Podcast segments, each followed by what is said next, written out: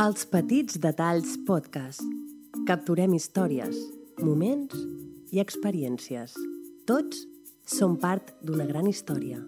Tots en formem part.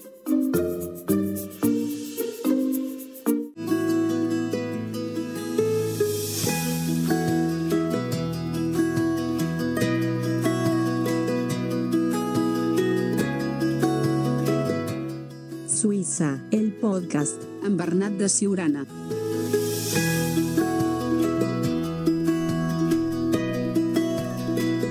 Benvinguts a un nou capítol de Suïssa al podcast. Aquesta setmana visitarem la ciutat suïssa de Ginebra.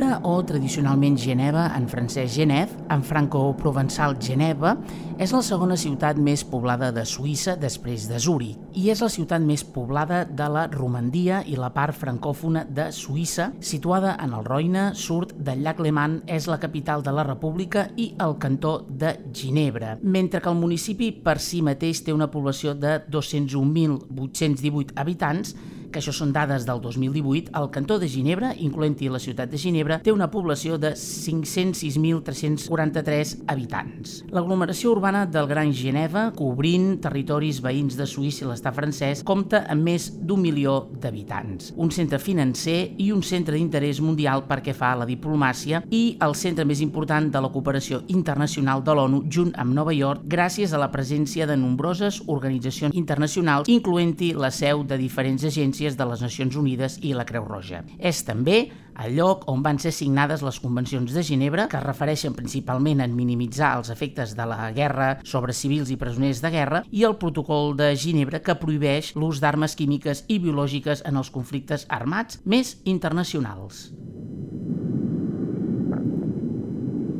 Com podeu sentir, estem circulant per la ciutat de Ginebra.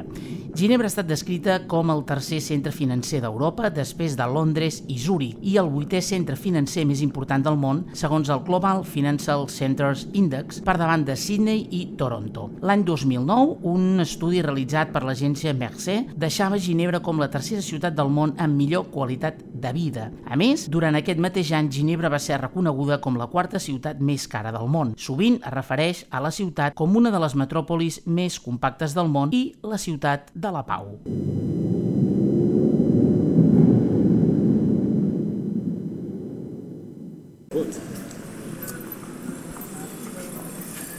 Al cantó de Ginebra la llengua oficial és el francès i oficialment es diu République et Canton de Genève, amb alemany Genf, amb romans Ginevra, amb italià Ginevra i amb arpità Geneva. És un cantó de Suïssa.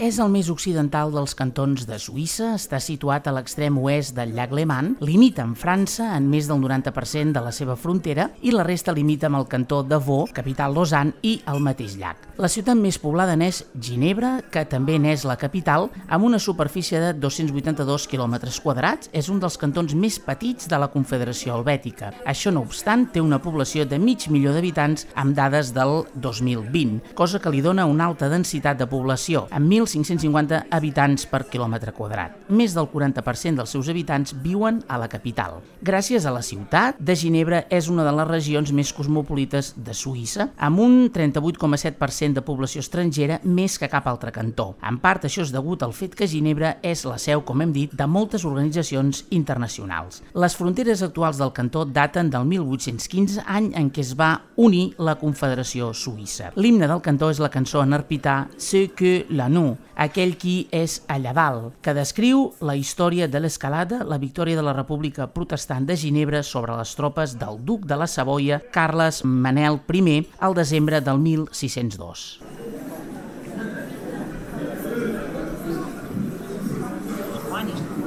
En aquests moments, com podeu sentir, estem passejant pel centre de la ciutat. Bé, l'escut de Ginebra i el cantó de Ginebra va ser adoptat al segle XIV i posseix la següent descripció heràldica o blasonament.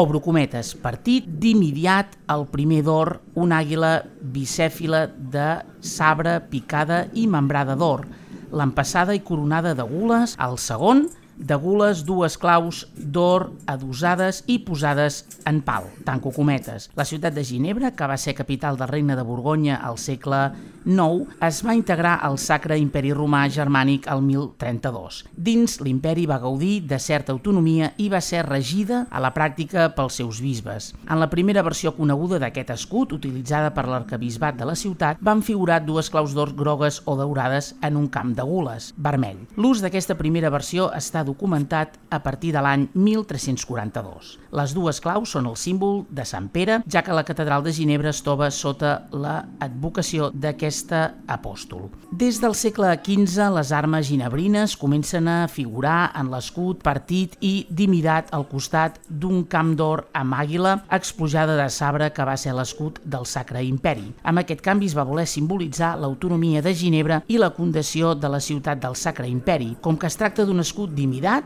que és aquell en què es representen les meitats dels blasons reunits en ell, únicament es poden observar una clau i una àliga amb un únic cap i una pota. La representació més antiga conserva l'escut de Ginebra partit i d'imiditat amb les armes imperials amb data del 1451. L'Unió de Ginebra amb Friburg i Berna va permetre que el 1536 la ciutat pogués expulsar el bisbe, separar-se de l'imperi i convertir-se en una república teocràtica que va arribar a ser el principal focus del calvinisme. Tot i la seva separació de l'imperi, Ginebra va mantenir l'àguila del Sacre Imperi en l'escut d'armes. L'any 1540 es va introduir el timbre, un dels adorns exteriors de l'escut, la figura del sol, un antic símbol de la ciutat, carregat amb unes inicials que volien dir Jesús Omnium Salvator, que en llatí significa Jesús Salvador dels homes. El sol, que es va convertir en el símbol de la llum de Déu, amb aquestes inicials va ser un dels emblemes més utilitzats per Joan Calví. En aquesta època també es va introduir una cinta amb el lema Post Tenebras Lux, després de la foscor llum. L'escut, amb els adorns exteriors, és utilitzat únicament pel cantó de Ginebra, encara que aquest també empra l'escut sense adorns exteriors usat per la ciutat.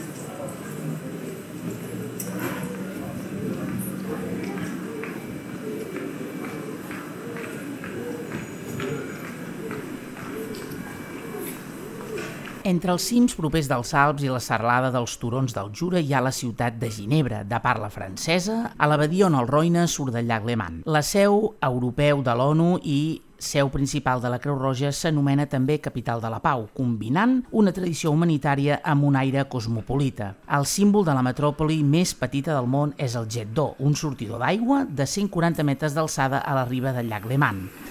A la riba dreta del llac hi ha la majoria dels hotels grans i molts restaurants. A sobre de la riba esquerra hi ha el nucli antic de la ciutat. El centre de Ginebra amb el seu barri de compres i comercial. Aquest és dominat per la catedral Saint-Pierre, si bé el centre pròpiament dit del nucli antic és la Place du Bourg de Four, considerada com la plaça més vella de la ciutat. Hi ha molts passeigs al voltant de la riba, abundants parcs, carrerons animats del nucli antic de la ciutat, com botigues elegants que conviden a passejar. Un dels carrers antics més ben conservats és la Grand Rue, on va néixer Jean-Jacques Rousseau. La Mouette, una mena de taxi aquàtic, permet permet navegar d'una riba a l'altra del llac. Així mateix hi ha grans vaixells, d'entre els quals n'hi ha alguns de vapor, que conviden a emprendre creuers pel llac Léman. Ginebra és la ciutat més internacional de Suïssa, com hem dit, ja que és seu europea de l'ONU. La Creu Roja Internacional també controla des d'aquí les seves accions humanitàries. Ginebra no només és centre de congressos, sinó també de cultura i història. Hi han fires i exposicions. La Horloge Fleurie, el rellotge de flors, el jardí anglès, és un símbol de renom mundial de la indústria rellotgera de Ginebra.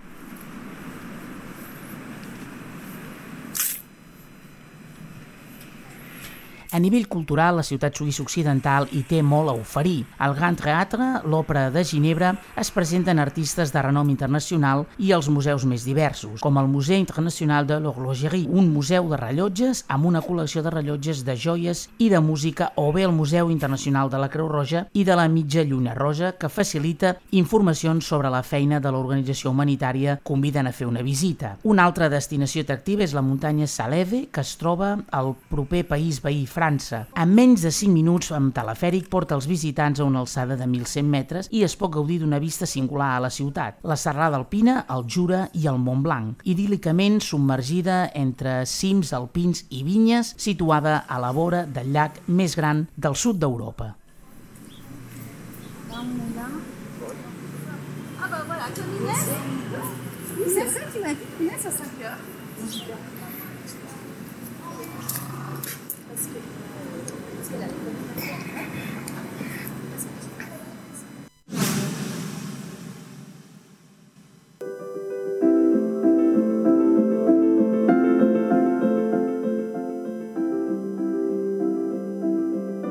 Tens previst crear el teu propi podcast?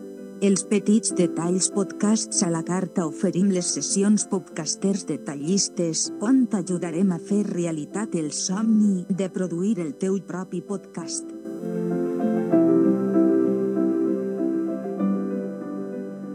Assessoria de podcasting, producció i realització de podcast, disseny de portades per podcast, locucions per a diversos projectes, caretes, separadors o indicatius pel teu podcast, locucions per a audiollibres, falques comercials, locucions per a empreses i locucions per a esdeveniments. Som els únics que fem les assessories de podcasting en català. Diferència. Els petits detalls marquen la diferència. Compartim moments i experiències amb tu.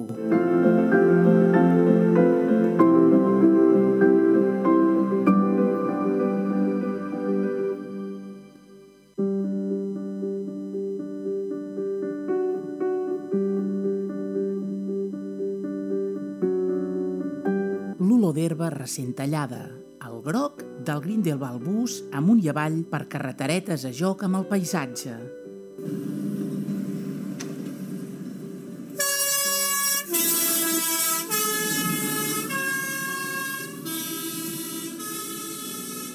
El blau perfecte d'un dia assolellat sense núvols. El tren de cremallera, com a poc a poc, enfila la muntanya. El turquesa del llac de Tun a bord del Brumbisalt mentre l'horitzó sonen les esquelles de les vaques. Les cases de fusta d'Elemental a joc amb el paisatge verd, blau i profund.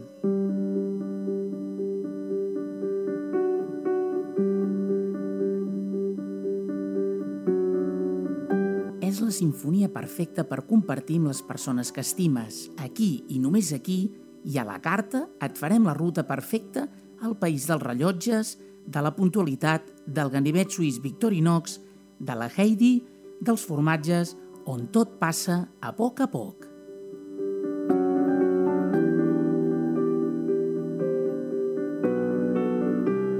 A partir d'ara a Suïssa, al podcast, disposem d'un servei de consultoria per a tots aquells que tingueu previst visitar alguna vegada Suïssa.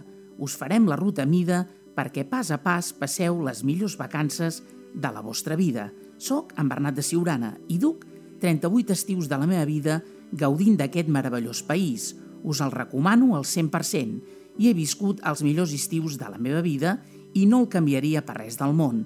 Aquest país m'ha ensenyat molts detalls i estic convençut que m'ha fet com sóc. Al podcast dels enamorats de Suïssa farem de tot perquè els detalls els visquis del tot, tot compartint moments i experiències amb tu. Més informació a suïssalpodcast.blogspot.com suïssalpodcast.blogspot.com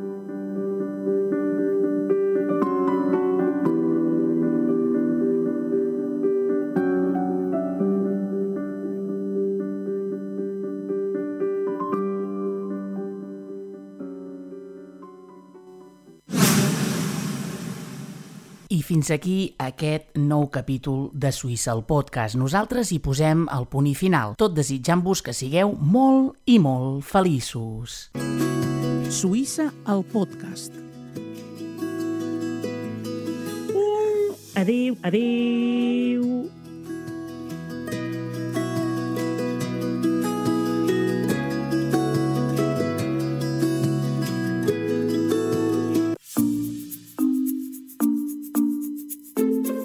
Els petits detalls podcast. Capturem històries, moments i experiències. Tots som part d'una gran història. Tots en formem part.